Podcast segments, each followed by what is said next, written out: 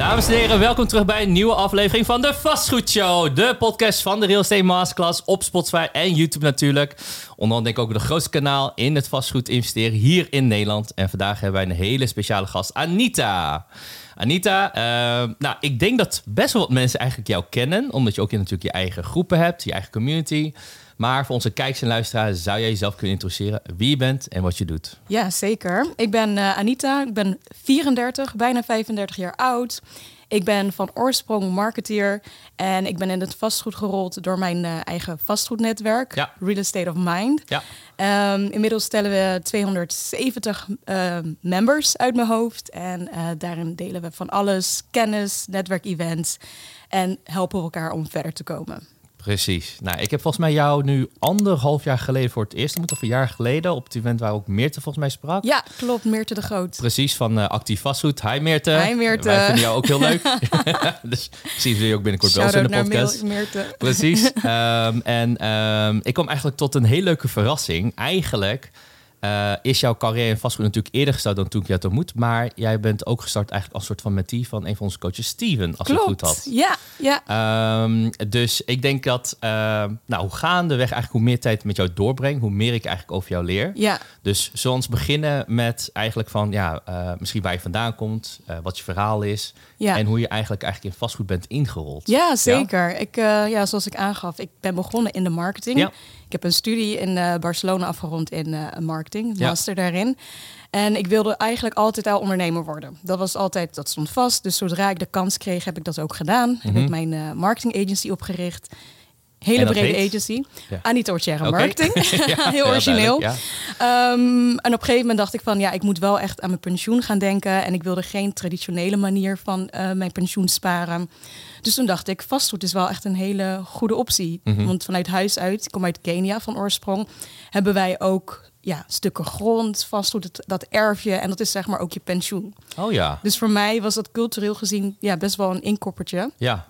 Maar ja, de Nederlandse markt is natuurlijk hartstikke anders. Ja. Dus ik wilde eigenlijk alles uh, gaan leren. Ja. Maar het was de lockdown. Oh ja, inderdaad. er ja. waren geen ja. events. Er was gewoon heel. Het was heel moeilijk voor mij om ergens te beginnen. Dus toen dacht ik van nou, ik, um, ik schrijf me in voor een cursus. Dat was toen volgens mij mocht dat nog net met een paar mensen, met een paar meter ertussen. Ja. Dus dat heb ik gedaan. En toen kwam ik inderdaad Steven tegen, jouw uh, collega.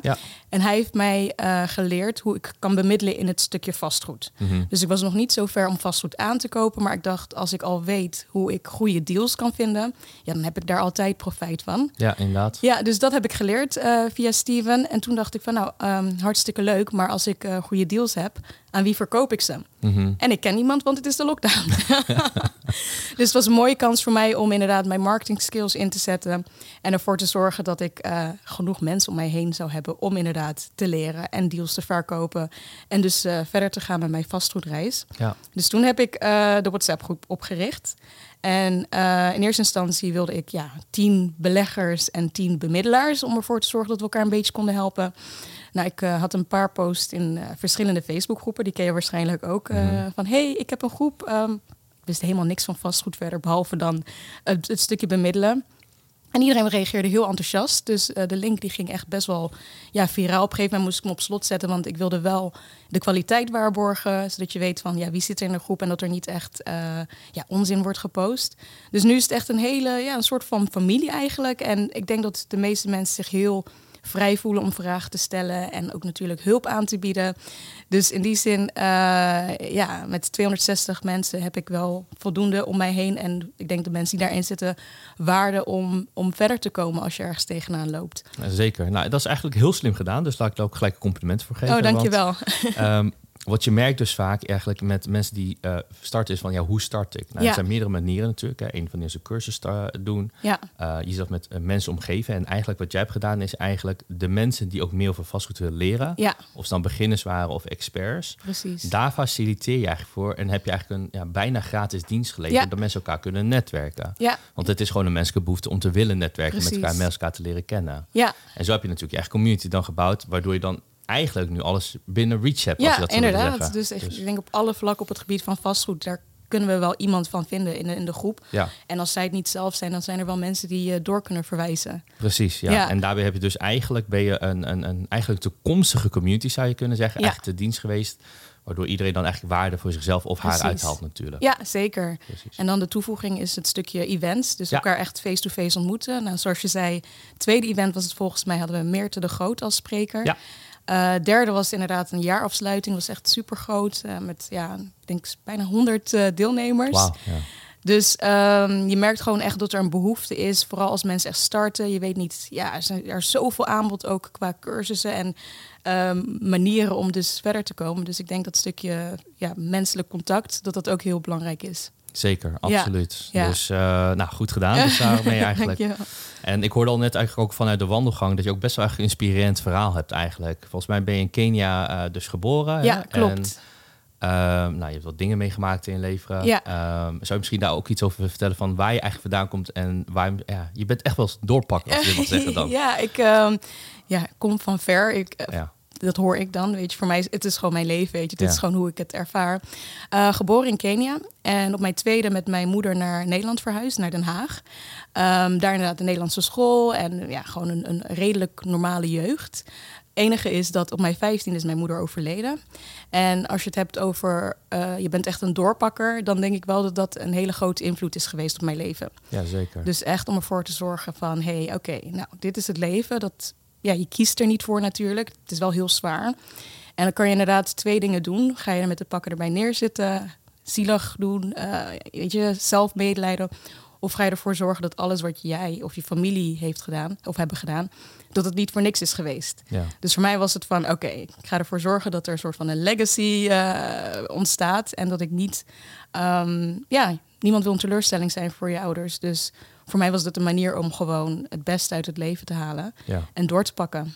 dat snap ik wel heel goed. Ja. Eh, maar kijk, als het op je 15 overkomt, kan best nou, inleven dat het best wel een klapper is. Hè? Ja. Dat je opeens volwassen moet zijn. Ja, zeker. Uh, en ik vind het ook wel heel erg respectvol eigenlijk van hoe je erin staat door te zeggen van uh, eh, je, je ouders hebben natuurlijk hè, zeg maar jou gecreëerd Ja. en je wilt je ouders niet teleurstellen of zo en dat je toch wel daarin uh, de legacy wilt voortzetten. Ja. Ik, ik ben heel Aziatisch Ja. zeg maar daarin, dus ik kan Dus me heel goed in vinden. Dus ik snap dat eigenlijk heel goed Ja. en um, ja, ook wel heel uh, touching eigenlijk van wat je dan hebt gezegd. Dus, ja. uh, ja, nee, het is echt hoe ik, het, hoe ik het ook zie. En het is niet dat ik er elke dag mee bezig ben en denk van, oh, de legacy. Maar het is gewoon echt intrinsiek. Het is vanuit mezelf van, oké, ik moet er van wat van maken voor mezelf, voor mijn familie. En gewoon, juist omdat ik zo jong was en dit heb meegemaakt, weet ik ook hoe kort het leven kan zijn. ja. Ik bedoel, mijn moeder was 39, ik word 35 in augustus.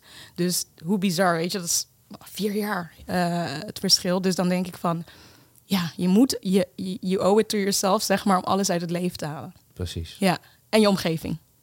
Inderdaad, dat ook, ja. Ja, ja. Nou uh, ja, bedankt voor het delen van je Ja, motivatie. Dus uh, dat. Ja. Um, nou, gaan we even terug naar vastgoed. Denk Ja, dat wel. ja. Um, even kijken. Dus dan zie je dus eigenlijk dan, uh, hè, want jij bent natuurlijk veel bezig met je community. Klopt. Wat zie je eigenlijk dat allemaal nu gaande is in de vastgoedwereld? Want jij bent ook een bemiddelaar in vastgoed, begrijp Klopt. ik. Ja. Uh, en straks gaan we door naar over de marketingstuk. Maar Ja. zou je even kunnen delen wat jij momenteel ziet in de markt als bemiddelaar in het vastgoed investeren? Ja, eigenlijk? zeker. Ik uh, ben begonnen in een periode waar het nog, ja, wanneer was het? 2021 ongeveer. Toen was het inderdaad echt booming. Iedereen uh, met de lage rentes, iedereen uh, wilde iets voor de verhuur of inderdaad aankopen. En wat ik nu heel erg merk is dat door de, door de regelgeving, dat, um, ja, dat het best wel lastig wordt gemaakt. Ik bedoel, ik zeg niet dat het onmogelijk is. Niks is onmogelijk. Maar je merkt wel dat een, uh, een groot deel van de particuliere beleggers eigenlijk een beetje ja, gedemotiveerd zijn geraakt door de regels. Uh, ze verkopen heel veel hun panden. Um, en je merkt ook dat ze naar het buitenland aan het kijken zijn. Ja, en uh, zou je misschien ook bepaalde regelgeving kunnen opnoemen waar wat jij wel eens vaker terug hoort? Dat is hetgene wat ik nu even momenteel in de weg zie staan. Um, en natuurlijk welke landen ze aan het kijken zijn misschien. Ja, ja zeker. Uh, een van de grootste uh, redenen is natuurlijk om in de vrije sector terecht te Ja. komen. Dus als je inderdaad een woning hebt die niet aan die eisen voldoet, omdat die eisen wat zijn aangescherpt, dan, ja, dan haal je bijna geen rendement. Als je woning max 700 euro oplevert per, ma per maand, dan doe je het eigenlijk gewoon op vrijwillige basis. En Ja. dat is niet de reden waarin je, waarom je in vastgoed Nee. stapt. Snap ik. Dus dat is een van de grootste redenen. Wat ik heel erg zie is dat mensen aan het kijken zijn naar Dubai. Dat Ja. is helemaal booming. Iedereen wil naar Dubai. ik ben zelf heel benieuwd van, oké, er wordt zoveel gebouwd in Dubai. Ehm, ja, ze hebben hele grootste, grote plannen, zoals Zeker. Dubai, zoals we dat gewend zijn Ja. natuurlijk.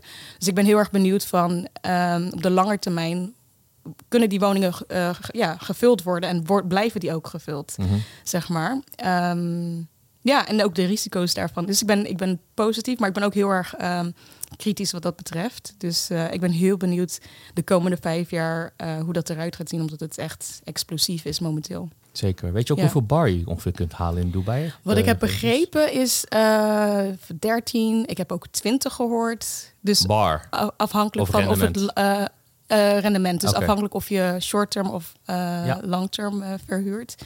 Dus ja, in vergelijking wat je nu in Nederland haalt, is het wel Meer. stukken beter. Ja. ja. Helder. ja. Oké.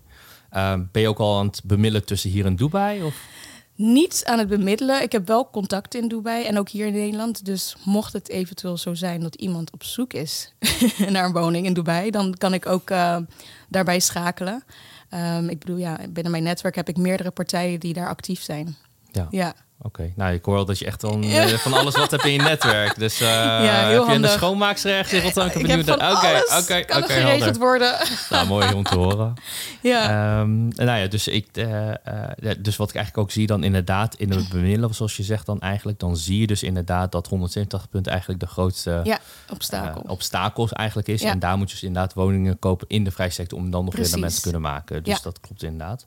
Eh, maar het grappige wat ik wel daarin hoor, is dat eigenlijk dus rente niet per se de grootste oorzaak Nee. voor jou of van je klanten eigenlijk is. nee, Eh, waar ze dan als dat als een obstakel zien. Nee, Want dat is gewoon gegeven eigenlijk. precies. Ja. Ja, Dus eigenlijk alleen de regelgeving is eigenlijk wat je voornamelijk hoort. Dat is eigenlijk de reden waarom ik het Ja. niet doe eigenlijk. ja, Oké, ja helder. dat zeker.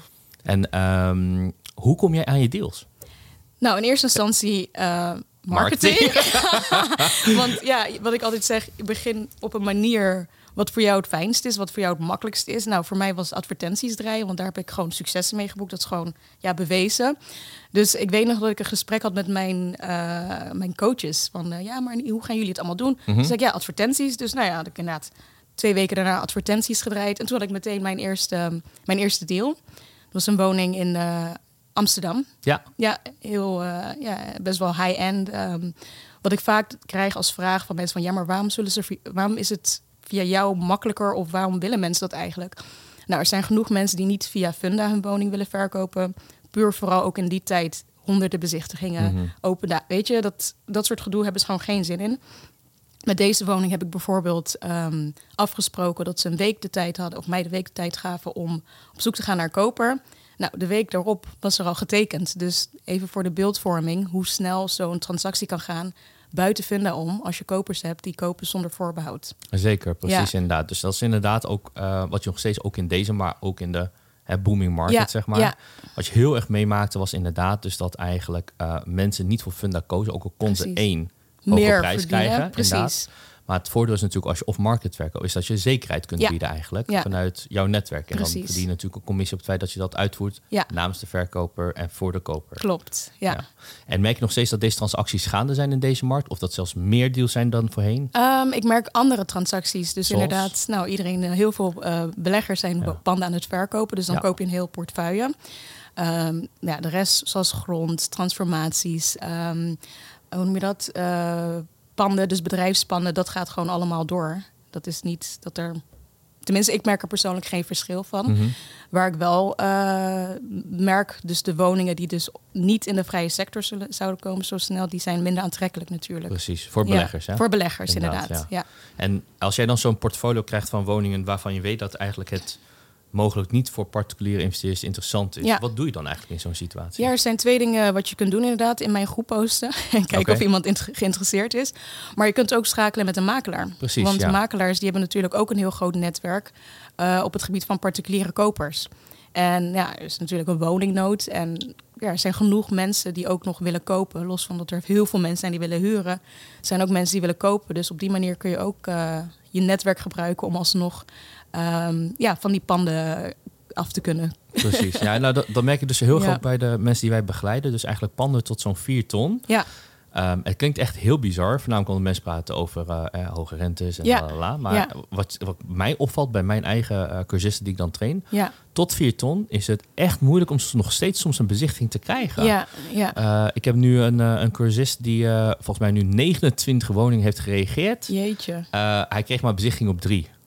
Dat is Bizar. echt gewoon Ja. heel... Ik dacht Ja. van, wauw, Ja. deze Nog markt is nog steeds. steeds booming Ja. in, in dat segment gewoon. Precies. Maar als je Ja. bij 4 ton gaat, ja, dan zie je dat wegens de hoge rente Ja, eh, de vraag minder is precies. eigenlijk. Ja, Dus- minder aantrekkelijk. Ja, en uit- dus vanuit een eh, professioneel vastgoedbeleggersperspectief Ja. betekent dan weer, daar zitten heel veel kansen. Maar je moet vaak tussen tot in de woningen tot 4 ton eigenlijk starten om leren te rendement te maken, Ja. verhuren, de basisregels Ja, te spelen. om wel gewoon cashflow te genereren Precies. inderdaad. Ja, Inderdaad. ja.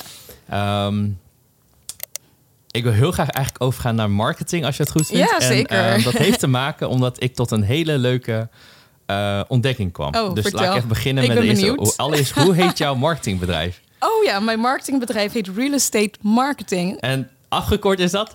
Rem.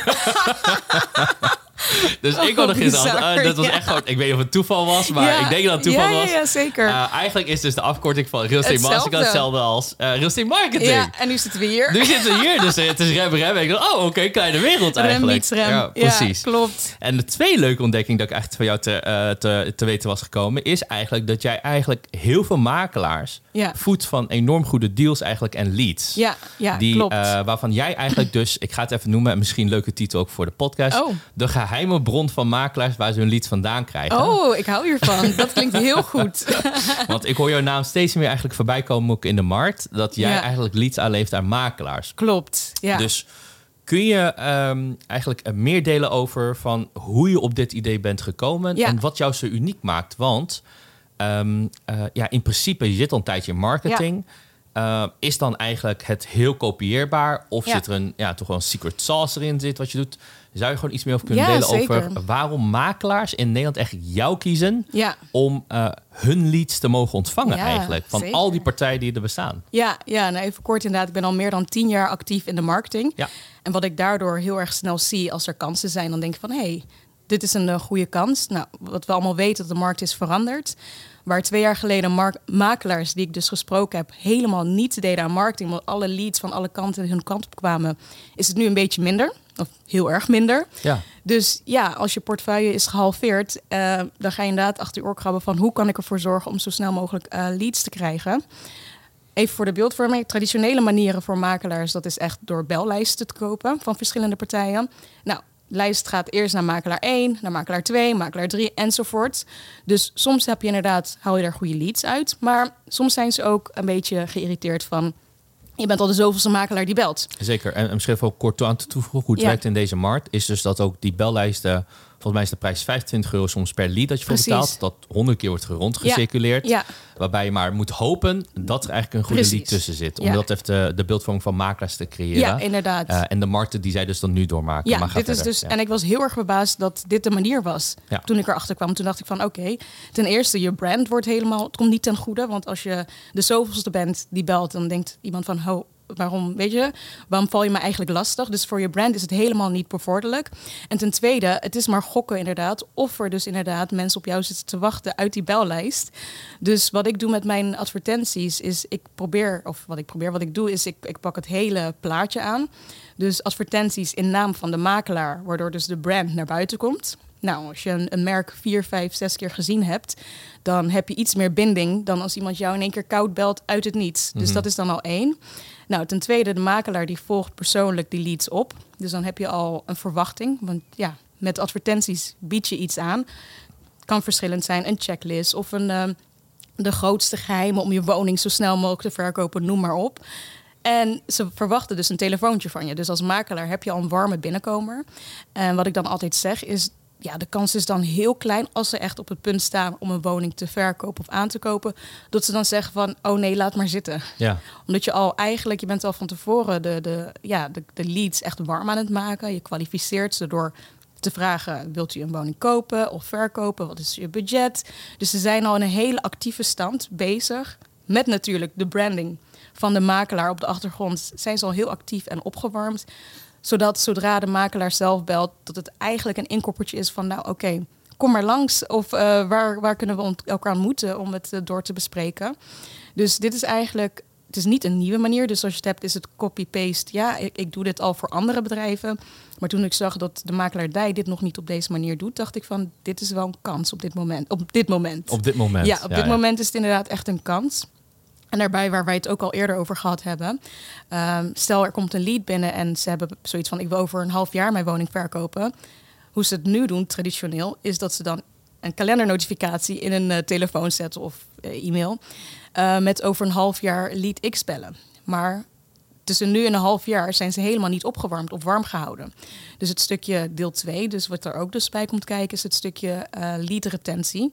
En dat houdt in dat je in de tussentijd in die zes maanden je lead warm houdt door waardevolle content te delen. Of misschien af en toe in te checken van, hey, uh, hoe ver sta je met de verhuizing naar noem maar op, Frankrijk. Mm -hmm. En dat je inderdaad na een half jaar nog steeds top of mind bent bij die leads, dat je het niet verliest. Want je hebt natuurlijk aan de voorkant betaal je voor de lead. En je wilt niet dat iemand anders daarmee vandoor gaat. Zeker, inderdaad, ja. ja. Nou, dus uh, uh, even om dat in een bepaald perspectief dan ook even te zetten. Kijk, ja. Dus als je inderdaad kijkt naar de huidige markt, om, om je verhaal samen te vatten, is eigenlijk uh, uh, de traditionele manier van leads binnenkrijgen via de welbekende derde partij, noem maar zo. Ja, inderdaad. Waarbij de bellijsten continu wordt ge dat werkt gewoon niet. En dat nee. zorgt voor eigenlijk dat makelaars niet goede kwalitatieve niet, leads genereren. Precies, en niet goed tot hun recht komen. En niet goed tot hun recht komen, inderdaad. Ja. Maar daardoor dus ook eigenlijk... Um, uh, hè, of namelijk kan ik me voorstellen als je bijvoorbeeld een makelaarskantoor net start... Ja. Um, dat je dan denkt van ja, dit is toch wel een moeilijke business. Precies. Terwijl eigenlijk het probleem zit in gewoon kwalitatief goede leads Inderdaad, krijgen. dat houdt je business draaiend. Precies. En dan um, als ik jou her, uh, cijfers een beetje mag pakken, mag ik dat Ja. hier aankondigen? Jouw CTR's? Ja, Ja, zo, als even, hoor. volgens mij was het Prima. 2,7 of 3 procent voor Ja. bepaalde makelaars. Wat gewoon echt uh, ja, gewoon goed is. Hè? Uh, waarbij je dan honderden uh, leads gewoon per maand kunt verzamelen. Ja, En eigenlijk wat jij heel slim doet, is dan ook eigenlijk... Um, want makelaars zijn soms ja, wat kort termijn gedacht eigenlijk. klopt. Ja, Van ik heb nu een deal binnen drie maanden of niet. Precies. Niet, dan zeg ik Gaan we echt, door. Precies. Is even niet de focus. Niet inderdaad, gaan we door. ja, Terwijl dat eigenlijk, als je kijkt op een maandelijkse basis, stel dat je nou 150 Zonde. leads per maand krijgt. ja, ehm, en je close 5 deals bijvoorbeeld per maand. Ja. Nou, dan heb je dus nog 145 leads over. ja, Keer zes maanden, dan kom je eigenlijk op 1000 mogelijke leads. Ja. En eigenlijk beheer jij dat voor die makelaars. Precies. Die leads blijf je warm houden. En Ja. daar zullen dan ook weer nieuwe klanten eigenlijk daar uitkomen. komen nieuwe klanten uit. En wat ook belangrijk is natuurlijk om te vermelden. ehm, heel vaak werken makelaars zelfstandig. Of dan hebben ze een kantoor van max twee, drie personen. Dus ik begrijp ook ergens wel dat korte termijn dan belangrijker is dan lange termijn. Maar eh, door het uit handen te geven heb je eigenlijk meer handen. Ja.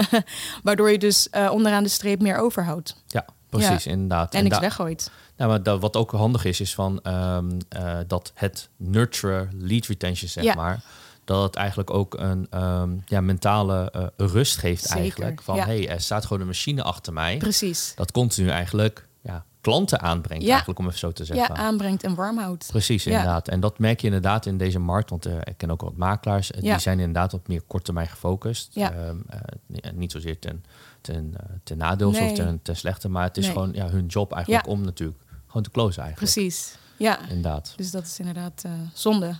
Precies. Ja. En dan ehm, eh, wat je dan ook dus eigenlijk dan ziet in deze markt, zoals je aangaf, is dat eigenlijk door de verandering in de markt ook makelaars eigenlijk leads tekort komen. Ja. Eh, dus de omzet gaat eigenlijk omlaag en dat los je eigenlijk ook nu voor hun op. Precies. Ja. Precies. En ik denk wat wij ook, of tenminste wat wij dan doen met ons bedrijf, is we bouwen ook een merk. Dus als we adverteren voornamelijk regionaal, dus in de regels zie je dat een makelaar in Rotterdam niet in Amsterdam woningen gaat verkopen. Dus door in de regio je merk zo sterk neer te zetten, heb je niet alleen op dit moment met de huidige leads eh, baat daarbij, maar ook op de lange termijn. Dus mensen zien je steeds vaker op hun tijdlijn voorbij komen. Mensen die niet misschien, misschien meteen een lead worden, maar die misschien over twee jaar wel zeggen van... oh ja, ik, ik ken een regionale makelaar waar ik een goed gevoel bij heb. Ja. Omdat je dus je brand neer hebt gezet, Ja. je identiteit. Dus Precies. het is inderdaad een, lang, het is een langetermijn eh strategie die je dus hiermee eh, ja, neerzet. Ja, dus daarom probeer je eigenlijk dus de makelaar ook eigenlijk dus inderdaad een, een, een, een merknaam te creëren, een Ja. bepaalde positie in de markt te creëren, een soort langtermijn waarde nog uithalen. Ja, zeker. Dus als ze dan, ik zeg maar, wat bijvoorbeeld hun makelaarskantoor op een dag willen verkopen, dan Ja. heeft dat natuurlijk waarde Dan heeft de heel veel positie. waarde. Precies. En dat is ook de reden waarom we per regio één makelaar aannemen. Want het is toch een investering die je doet voor eh, een commitment die je aangaat. En je Ja. wilt dat ook gewoon op een goede manier neerzetten. Precies, Ja. Ehm, en de business gaat goed, neem ik aan. Ja, ja ik bedoel, uh, wie, wil naar, wie wil er nou geen leads uh, aan de lopende band ontvangen als makelaar zijnde? Nee, inderdaad, ja. inderdaad. Dus je ziet ook inderdaad, het, het grappige is dus eigenlijk ook, um, als ik uh, kijk naar dus wat jij zegt over de makelaars, ja. Um, dat we eigenlijk in een markt terecht zijn gekomen waarin inderdaad er niet genoeg aanbod eigenlijk is. Ja. Zowel eigenlijk voor start en koop zou je kunnen zeggen, maar tegelijkertijd ook voor um, ja, eigenlijk makelaars zelf. Ja. Uh, en dat is toch wel eigenlijk een hele aparte combinatie. Want Ja. de rentestijging hebben we eigenlijk niet voor gezorgd dat Nee. per se de, ja, Nee, een, een nee, gigantische crash zou komen. Uh, het is gewoon gestabiliseerd. En Ja. het stijgt weer volgens de makelaars eigenlijk. Ja, dus, klopt. vandaar. dus nu is eigenlijk de competitie heel sterk tussen makelaars om gewoon die leads binnen Heel te halen. sterk eigenlijk. inderdaad. Je merkt ook dat heel veel mensen afhaken, makelaars, die haken af. Omdat ja, als je niet precies een strategie hebt, een langetermijnvisie, dan houdt het eigenlijk op. Precies. En je moet natuurlijk ook tijd investeren en erin geloven. Dus het is een Ja. hele andere manier van werken, dus dat snap ik ook. Dus het is echt even schakelen van, oké, dus geen bellijsten, maar oké, weet je, even schakelen, wat moet ik dan precies doen en wat verwacht ik? Het is een beetje, het is nog niet heel tastbaar. Dus wat ik altijd probeer is het dat hele verhaal op de lange termijn ook mee te nemen. Dus dat het niet alleen voor nu is, maar voor de volgende keer dat er dus misschien eh, een, de markt verandert, dat je dan gewoon stabiel blijft staan, omdat jouw regio jou weet te vinden. Precies, ja. ja. En ehm, wat als ik als vastgoedinvesteerder van jou ook maandelijks leads zou willen ontvangen, maar dan voor deals die natuurlijk af market proberen op te halen? Kan dat? Dat heb ik inderdaad voor mezelf ook destijds Ja, gedaan. Oh, daar krijg je dus ook je leads vandaan. Ja. Dus nee, het is qua online adverteren, alles is mogelijk. Dus als je inderdaad, eh, je ziet het sowieso al heel veel voorbij komen als je dus in het stukje vastgoed bezig bent, dat je getarget wordt met verkoop gratis uw woning. Dat zijn ook gewoon eh off-market lead eh, generators of bemiddelaars. Dus ja, dat is ook gewoon een optie. Precies. En Ja. bouw je daar nu al voor bepaalde mensen funnels voor? Of uh, voor jezelf natuurlijk? Ja, ik heb het voor mezelf inderdaad via offline of via online marketing gedaan. Nu merk ik heel erg dat mensen mij weten te vinden. Dus dat het iets meer, iets meer passief is. Het is natuurlijk nooit passief. Maar dat is ook gewoon een optie om het eh, ehm, te doen. Het enige wat wel zo is, als je iets aanbiedt wat gratis is, dan is de funnel veel korter. Ik bedoel, dan is het, oké, ik wil nu verkopen, kom je langs, ja of nee, maar dan ga je niet een gratis lead heel lang nurturen. Nee. Zoals bij de makelaar dat dat wel het geval is. Nee, inderdaad. Ja. Dus ehm, dat, dat klopt inderdaad. Wat dus ook daarin belangrijk is, is eigenlijk de manier waarop eh, een lead eigenlijk wordt zeg maar gehoekt. Ja, zoals je dat eigenlijk precies. zegt. Ja, Ehm, en eh, daarna eigenlijk door de funnel eigenlijk wordt warm gemaakt. precies. Want eh, bij Real Estate Masters hebben wij dus ook een tijdje eigenlijk eh, leads lopen genereren. En dan Ja. merk je inderdaad dat afhankelijk van de hooks die je gebruikt, Ja. dat het eigenlijk verschillende soorten kwaliteit leads Ja, eigenlijk Het oplevert. kan dan zo ook. erg verschillen, vooral als je adverteert met gratis. En dat geldt voor alle velden in, het, in, het, in, de, ja, in de business. Zeker, inderdaad. Want daar heb je dus ook, ehm, nou, ik ga het zeggen, aparte uh. Echt hele unieke mensen heb ik wel eens vermoed. Ja, Um, een van de meest unieke leads die ik ooit heb gehad, was eigenlijk een dame die uh, aangaf dat als ik het huis wilde verkopen, een zwarte vark ook mee moest worden verkocht en in de woonkamer mocht blijven wonen. dus, dat, uh, hoe krijg je dat voor elkaar? Is dat gelukt? Nou, nee.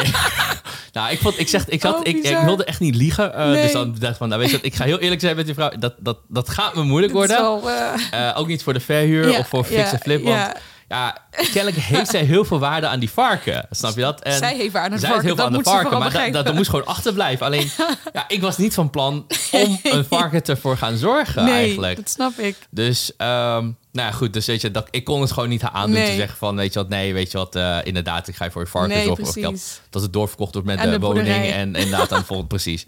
Maar Nee. ja, ik zei nog wel, ze waarom niet naar de boerderij, maar dat wilde ze niet. De varken was dol op Dat de was- woonkamer. oh, oké. Nou Dus, ja, zo eh, kom je zo- nog. En het vastgoed kom je sowieso heel veel interessante dingen tegen. Zeker, je komt echt heel apart verhalen. Maar dat is dus een lead die kwam vanuit ehm, een, eh, wat is het, ook, gratis vrijblijvende eh, gesprek of zoiets. Maar ik heb vergeten. En, Ja, en dus daarin zie je dan ook, als je vergelijkt met andere soorten hoeks, dat Ja. eigenlijk heel veel eh, eh, andere soorten hoeks ook wat meer ehm, serieuze verk, Klopt.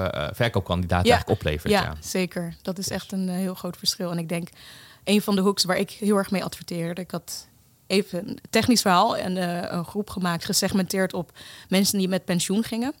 Dus had ik inderdaad eh, een hoek was van wilt u uw woning verkopen omdat u dus naar het buitenland gaat of omdat u dus wilt gaan terughuren. Ik merkte dat dat, dus tip voor mensen, dat dat een hele goede hoek was. Want dat zijn inderdaad mensen die hoeven niet het onderste uit de kant te halen qua, qua verdiensten. En ze willen gewoon snel schakelen. Ze hebben geen zin in lange trajecten met funda of teleurgesteld raken na vijf weken dat de, de kopende partij niet eh, de financiering rond kon krijgen. Dus ik merk dat de pensioendoelgroep dat het wel een hele ja, een hele goede was. De Dus zeg maar mensen. boven de die- 65. Oh ja, precies. Ja, ja. ja. Ja, ja, precies. Oké, helder. Ja. Hey, en wat zijn de plannen eh, naast eh, rem? Of is dat... Rem, real estate marketing. even masterclass, sorry. ik heb toch, ik moet echt, we moeten dat even patenteel Oh, eh, vastleggen. oh, maar dus, ehm, wat is jouw plan met eh real estate marketing? Is dat je focus of zijn er nog andere dingen die je daarnaast gaat doen of wilt gaan doen? Ja, ik waar, heb- waar zie je zelf voor vijf jaar staan? Ja, dus ik heb in de afgelopen, ja, laten we zeggen, vijf jaar echt mijn Anita Ortera Marketing heb ik gebouwd en dat staat. Dus daar heb ik gewoon ja, vaste klanten. En nu wil ik echt mijn focus hebben op real estate marketing, om dat uit te breiden, dus op te schalen. Ik ben ook bezig met een team inderdaad. Ik heb al een aantal mensen die dus eh, ook meewerken, om dat gewoon zo groot mogelijk en eigenlijk gewoon heel Nederland te veroveren Mhm. op het gebied van marketingmakelaardij. Ja, precies. Ja. Inderdaad. En dat is er gewoon de focus voor de komende Dat is de dan? focus voor de kom- zeker voor 2023. Oké, helder. Ja. En eh, hoe kunnen mensen met jou dan in contact komen als ze eigenlijk van hun dienst gebruik willen maken? makkelijkste voor mij is mijn voornaam en achternaam. Anita.ortjere. Ja. Op Instagram en op LinkedIn. Eh, nog iets aan toe te voegen of eh, dat je nog wilt delen met ons audience? Eh, nee, ik vond het super leuk om hier te zijn. Dankjewel voor de uitnodiging, eh Shushin. Nou, dankjewel. Dank dat je gekomen. Ehm, Ja. En dan hoop ik je binnenkort weer op het volgende netwerk-event te zien. Ja, zeker. Stiekem september. September, we zullen zien. Misschien. nou is goed. In het najaar. In het najaar hebben we waarschijnlijk weer een leuk event. En dan Ja. eh, zullen waarschijnlijk ik en Steven daar zijn. Oh, dan, leuk. Jullie zijn daar, van harte welkom. Dankjewel. Dankjewel. Nou, dat was al voor deze podcast, mensen. Hartstikke bedankt voor het kijken en luisteren naar deze podcast. Vergeet jezelf niet te abonneren via de knop hieronder of natuurlijk via je like-button op Spotify. En dan zien we je snel bij de volgende podcast. En eh, tot snel. Bedankt voor het luisteren. Doei doei.